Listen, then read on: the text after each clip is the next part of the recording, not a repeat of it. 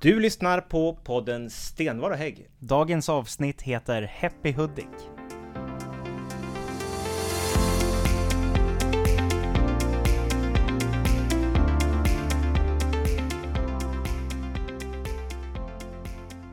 Välkommen till vårt eh, jubileumsavsnitt. Avsnitt 20. Avsnitt 20 av våran podd. Och vart är vi någonstans Alexander? Vi har begett oss upp till Glada Hudik för att eh, fira eh, jubileumsavsnittet. Och vi är och hälsar på vårt moderata kommunalråd Jonas Holm. Ja, jättetrevligt att få vara med och eh, välkomna till Glada Hudik som sagt. Tack så mycket. Ja, tack så mycket. Kul att vara här. Men vi är ju nyfikna på eh, den starke moderaten i Hudiksvall. Jonas, du har varit med ett tag i politiken, eller hur? Ja, jag gav mig in i politiken faktiskt 2005 och då var det Tommy Ljung som låg på mig när vi jobbade i, eh, på läroverket i självförvaltningsrådet där och sa du måste engagera dig politiskt. Eh, jag har ju flyttat upp från Huddinge söder om Stockholm för 35 år sedan och då var man ju väldigt engagerad i Moderata ungdomsförbundet och det. Vi flyttade upp hit på grund av att vi köpte företag i Söderhamn och Hudiksvall och även haft eh, företag uppe i Sundsvall. Och det var skälet till varför vi drog till Hälsingland om man säger så. Ja. Eh, sen får man barn och arbetet tar mycket tid och då hann man inte engagera sig politiskt. Men man var ju ändå med, lyssnade på alla debatter och sådana saker. Men 2005 tog jag klivet in i Moderaterna och det ångrar jag inte en dugg att jag engagerade mig. För att vi har haft fantastiskt roliga år. Dels i styret 2006 till 2010 då vi styrde med Centerpartiet, Liberalerna, Kristdemokraterna och Miljöpartiet. Där vi då slog ut eh, Socialdemokraterna efter nästan 100 års styre och eh, tog makten. Jag tycker ordet makt är lite dåligt att säga, det klingar inte så bra. Vi tog över styret av kommunen och ansvaret för kommunen. Vi gjorde det i fyra år. Sen åkte vi ut direkt igen. Och varför blev det så? Ja, inte berodde det på att vi hade haft dåliga reformer och gjort dåliga saker. Men Sverigedemokraterna blev väldigt starka här uppe. Och det blev då under tiden 14 till 18 ingen som direkt hade majoritet av Socialdemokraterna och Vänsterpartiet. Men eh, vad har du för ansvar? Du är ju då som sagt var ett av två kommunalråd. Mm. Eh, det, mod- det enda moderata såklart. Vi har ju inte fler. Eh, men eh, vad har du för ansvarsområden? Jag jobbar ju med skolfrågor. Jag är dock då också ordförande i lärandenämnden. Lärandeförvaltningen är omsluter, det är nästan halva kommunens omslutning. Omslutningen på kommunen är 2,4 miljarder. Vi omsätter strax under en miljard i skolan. Vi pratar 5600 elever och nästan 2000 anställda. Det är en väldigt stor verksamhet som jag ansvarar över. En väldigt spännande verksamhet som utvecklas väldigt mycket. Den biten. Samt att jag jobbar väldigt mycket med företagarfrågorna. Jag jobbar mot HNA, Håkan Rönnström som är vår moderata ordförande i Näringslivsbolaget. Och vi försöker driva de bitarna med företagsbesök och andra saker. Så att det är intressant att jag har fått de bitarna. Sen när man sitter som kommunalråd så måste man ju kunna lite om mycket. Så att det är ju vitt och brett, högt och lågt. Vad har varit den största utmaningen då? En utav utmaningarna är att vi har ju en, många kallar det för ohelig allians, men vi styr ju tillsammans med Socialdemokraterna och Miljöpartiet. Vilket har gått väldigt, väldigt bra. Nu har vi hållit på i tre år och eh, jag ser ju med den respekt vi har för varann och eh, de överenskommelser vi har gjort, så jobbar vi väldigt bra för att utveckla Hudiksvalls kommun. Så man ska aldrig säga aldrig. Det här har varit väldigt bra för Hudiksvalls kommun. När vi träffar företagare så pratar man mycket om, jättebra, nu vet vi att de två stora tidigare motpolerna, när de sätter sig vid ett bord, då blir det verklighet av våra förslag. Och det är faktiskt så det har blivit. Intressant. Men Jonas, eh, en frågeställning som brukar dyka upp ganska ofta bland oss som jobbar med politik på heltid som kan vara dels rätt så lätt att svara på men man blir ändå ganska ställd när den frågan kommer för för en själv är det så himla självklart. Men varför Jonas ska man rösta på Moderaterna i Hudiksvall? Hisspitchen nu, snabbt. Ja, ja, du ska självklart rösta på Moderaterna i Hudiksvall. Vi har våra gamla klyschor om att det ska vara frihet, företagsamhet, människan i centrum. Det må så vara, men lokalt kan vi påverka väldigt mycket när vi sitter i majoritet. Vartenda beslut som vi tar i varenda styrelse, varenda nämnd, varenda bolag, är inte Moderaterna med på det så blir det inte verklighet. Det betyder att vi har alltså ett allvarligt veto överallt. Sen får vi inte igenom all vår politik, men vi får igenom bra nog mycket mer politik än om vi satt på oppositionsbänken på läktaren. Nu är vi och hälsar på dig här i Glada Hudik. Men Jonas, berätta för oss, varför heter Glada Hudik? Glada Hudik heter det ju för att det här var ju en stor sjöfartsstad en gång i tiden och det kom väldigt mycket båtar hit. Det var väldigt mycket fester, det var väldigt mycket trevligheter på stan och det gör ju att det lever kvar. Det har ingenting med träpatronerna uppe i Sundsvall att göra egentligen utan det är de stora punschverandorna och det är festernas stad, Glada Hudik. Och det stod ju lite grann om det faktiskt i Hudiksvalls tidning i lördags. Hade Ja. man en helsida om eh, just Hudiksvalls historia och det kom in på det här också. Så Ja, precis, det, vi hade ju 300-årsjubileum utav när ryssarna kom hit då 1721. Jubileum och vet jag inte man kan Ja, säga, det men- var ett jubileum, inte jubileum, men det var en uppmärksammande utav 300-årsdagen då när ryssarna brände ner stan. Mm. Man var väl även nere och härjade i Gävle och sen Söderhamn och så uppåt längs kusten. kan jag bara notera att de lyckades aldrig bränna Gävle. Nej, för det var för mycket stenhus. Faktiskt så hade man försvar av Gävle, men man lyckades inte försvara Norrlandskusten upp. Det var en historisk lektion här, Ja, men, men, ja. eh, men det beskrev man just i, i faktiskt tidningen i lördags. Intressant Ja, Smärtan haft- sitter fortfarande i för söderhamnare som mig och Hudikbor som Jonas. Att just Gävle klarade sig. Men du, när du träffar dina eh, gamla kompisar nere i Huddinge där, varför ska man flytta till Hudiksvall? Varför flyttar man till Hudiksvall? Ja, dels så gör man det för att man hittar ett arbete. För det handlar ju väldigt mycket om att man ska våga flytta från storstan som vi gjorde, att man har ett arbete. Sen är det ju en väldigt fin kommun. Du har ju skogarna inåt landet och du har havet utåt. Vi har ju liksom en väldigt, väldigt fin miljö här. Sen eh, tycker jag, och naturligtvis lite part i målet, vi har en välskött kommun, både ekonomiskt och verksamhetsmässigt. Så att eh, det är ett bra ställe att bo på faktiskt. Ja. Lätt att pendla till. Du har eh, järnvägen, nu är det inte dubbelspår än så länge. Lätt att ta sig upp till Sundsvall, lätt att ta sig ner till Gävle, vidare ner till Stockholm. Vi har E4, infrastrukturen är väldigt bra. Kan naturligtvis bli bättre, men den är väldigt bra. Och det är lite det vi tänkte komma eh, in på nu, eh, tänkte jag. Lite Sundsvall, Gävledelen. Jag vet, ni ligger väl geografiskt sett närmre Sundsvall än Gävle. Men ni tillhör samma region, samma län eh, som Gävle och mycket liksom, jag menar, om man tar sjukvården exempelvis, som vi sköter i regionen.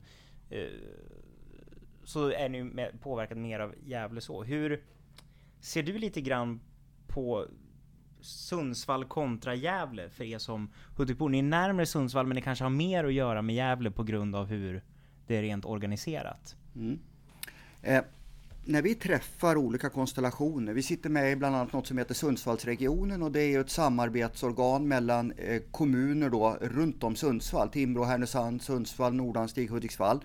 Eh, där har vi ett väldigt bra samarbete. Vi har ett väldigt bra samarbete med eh, universitetet. Men sen har vi ett minst lika bra samarbete neråt och självklart ska vi ha det med residensstaden och hela den biten. Så att vi är i en arbetsmarknadsregion och ligger väldigt bra till. Vi ligger mitt i arbetsmarknadsregionen. Det är 13 mil åt ena hållet, 8 mil åt andra hållet. Det är liksom ungefär hugget som stucket var man åker. Men vi behöver väldigt mycket inpendlare för kompetensutvecklingen. Ni får två bra saker av två regioner helt enkelt. Ja, ja. Ja, intressant. För vi hade ju en regionbildningsdiskussion när vi skulle gå ihop med andra län och då fanns det ju krafter som ville gå norrut mot Sundsvall i norra delen av länet och det var de i södra delen som ville gå söderut. Så att det här är ju en slitning som vi har. Jag är, jag är övertygad om att eftersom vi ligger mitt i så behöver vi samarbeta väldigt gott norrut och väldigt gott söderut. Vi behöver varann och de större städerna behöver även Hudiksvall i mitten. Och det tror jag gäller även så om man...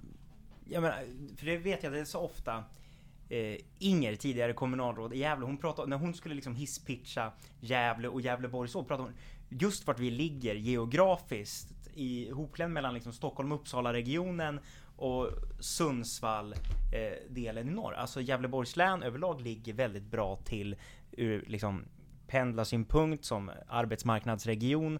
Alltså det är väldigt geografiskt lättillgängligt eh, ställe så och det är också väldigt nära eh, mot de regioner som du pratar om, Sundsvall, Uppsala, Stockholm, det är nära till Arlanda, alltså vi, lättillgängligt ställe att bo på. Sen finns det såklart saker som kan bli bättre, utbyggnaden av Ostkustbanan bland annat, att vi ser till att vi har en bra E4. Alltså E4 mellan Söderhamn och Hudik är ju den klart bästa sträckan. Sen Gävle, Söderhamn, norr om Hudik, alltså det finns ju saker som kan bli bättre. Och det, men just på grund av att vi ligger där är ju det saker som är klart värt att investera i kan jag tycka. Jag ser ju en annan sak också att i Hudiksvalls kommun, vi ökar ju invånarantalet varje år. Det är naturligtvis flera som, död, som, som dör än som föds. Men vi har en väldigt bra inflyttning, positiv inflyttning hela tiden. Och därav har kommunen tagit vår ambition att 2050 ska vi vara 50 000 personer i kommunen, varav 25 000 i stan. Vi är idag strax under 38 000. Det kommer vi att uppnå, dels med de byggnationer och allting vi gör på Kattviskajen, alla de satsningar vi gör på skolor och förskolor, vi bygger nya äldreboenden. Vi, vi, vi, är inne i en positiv spiral. Vi har ett näringsliv som fungerar väldigt bra. Vi har väldigt många stora världsledande tillverkande företag som går väldigt bra även i pandemitider. Så Hudik är liksom inne, det är lite grann glada Hudik, vi är inne i en positiv spiral och det ska vi vårda tillsammans. Och jag tycker den man märker av den glada andan när man är här. Det är alltid kul att, alltså, att komma till Hudik. Inte bara när man eh, träffar dig Jonas och andra moderater här uppe, men det är liksom Det är en jäkla framåtanda i Hudiken, tycker jag, när man är här.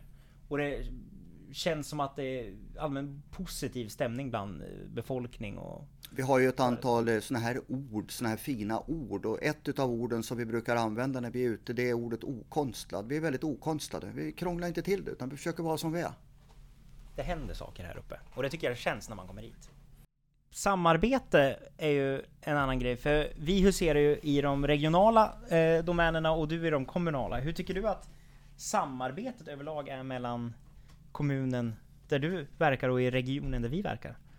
Ja, om jag får backa då ett och ett halvt år när det här viruset kom ut i världen och till slut så drabbade det även Hudiksvalls kommun och vi fick gå upp i stabsledning och det var krisledningsnämnder och det var alla möjliga saker.